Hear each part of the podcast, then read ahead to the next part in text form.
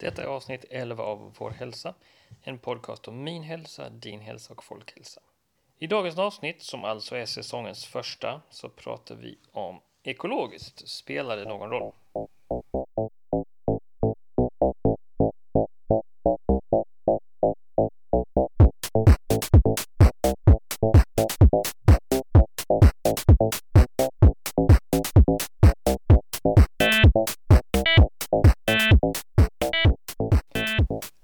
Lyssnare! Andreas här och välkommen till Vår hälsa.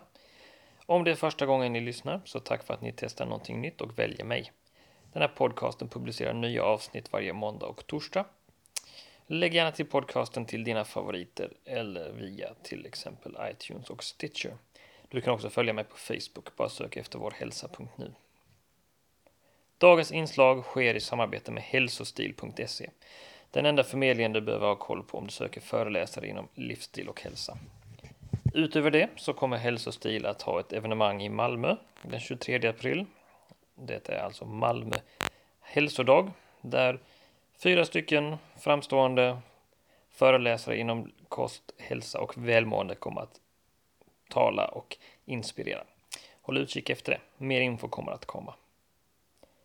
Dagens fråga är alltså om ekologiskt spelar någon roll. Och för två veckor sedan någonting så såg jag på dansk text-tv att en dansk forskare hade kommit fram till att ekologiskt inte var hälsosammare. Det var det som var rubriken. Ekologiskt inte hälsosammare.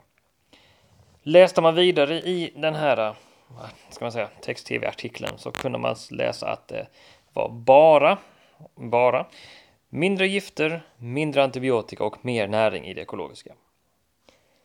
Jag vet inte mer, men jag tycker det låter en hel del hälsosammare.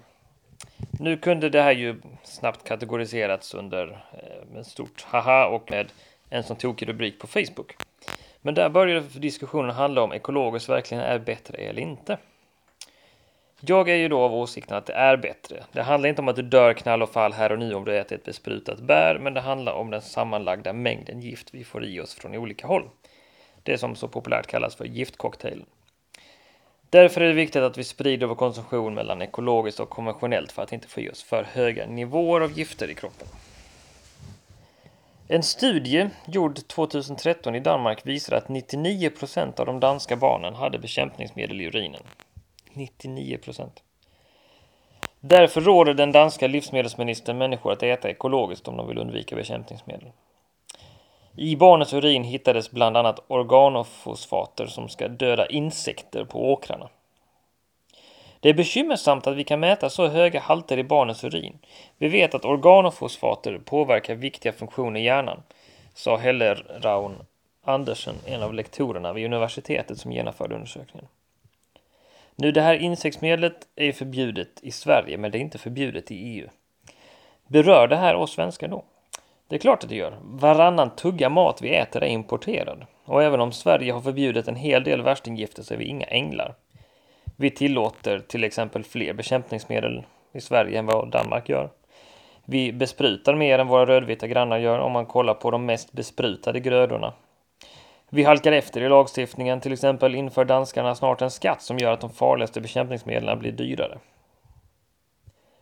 En annan aspekt som poppar upp lite grann i diskussionen var ju att ekologiskt skulle vara värre ur klimatsynpunkt och det ska vara mer krävande. Och jag kan tycka att det verkar lite konstigt då vi inte har haft dessa ohyggliga besprutningsmedel tidigare. Jämförelsevis med naturlig odling så grävde jag lite grann i det där. Och jag fann bland annat att ekologisk produktion i regel har en lägre energianvändning. Resultaten skiljer sig naturligtvis från olika forskningsstudier och beroende på livsmedel, men flera studier visar på 15 till 50 procent lägre energianvändning.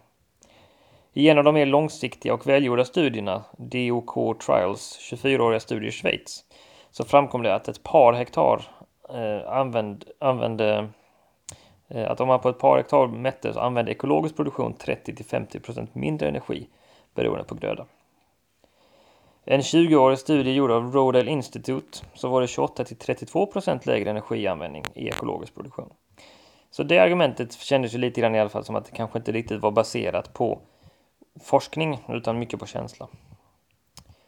Med andra ord, ekologiskt är ett bra val. Vi får naturligtvis se till så att vi inte vi tar fram ekologiskt på ett sätt så att det slår tillbaka på naturen eller någonting. Va? Men i det stora hela så är ekologiskt någonting man kan försöka hålla sig till. Det var allt för vår hälsopodden denna gången. Jag hoppas ni tyckte om dagens avsnitt och att vi hörs igen.